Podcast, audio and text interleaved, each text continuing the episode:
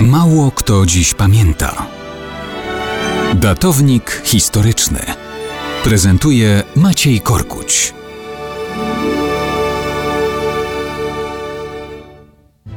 Mało kto dziś pamięta, że 2 grudnia 1652 roku urodziła się Charlotte von Lignitz-Brick-Wochlau, czyli powiedzmy po naszemu księżna legnicko-brzeska Karolina Piastówna.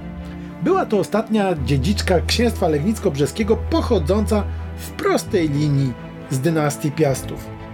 Jej pochodzenie nie jest specjalnie skomplikowane. Było tak. Najstarszym potomkiem Bolesława Krzywoustego, który podzielił Polskę między synów, był Władysław Wygnaniec. Synem wygnańca był Bolesław I Wysoki. Jego z kolei synem był Henryk I Brodaty, czyli książę wrocławski, opolski, a przejściowo także krakowski. Syn Brodatego, Henryk II Pobożny, poległ w walce z Tatarami pod Legnicą. Pozostawił wielu synów, w tym Bolesława Rogatkę. Dziedzicem Bolesława był Henryk V Brzuchaty, ojciec Bolesława III Rozrzutnego i dziadek Ludwika I Brzeskiego, zwanego sprawiedliwym, ale też roztropnym i prawym. On żył już w wieku XIV. Synem Ludwika był Henryk VII z blizną.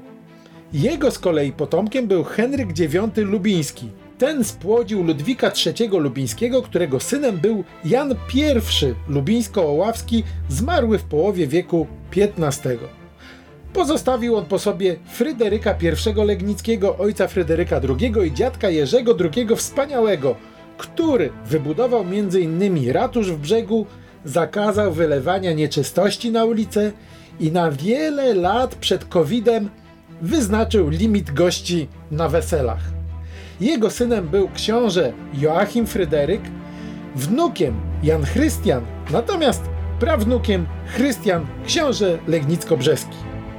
I to właśnie jego synem był Jerzy Wilhelm Legnicki, na którym w 1675 roku wygasła męska linia piastów śląskich.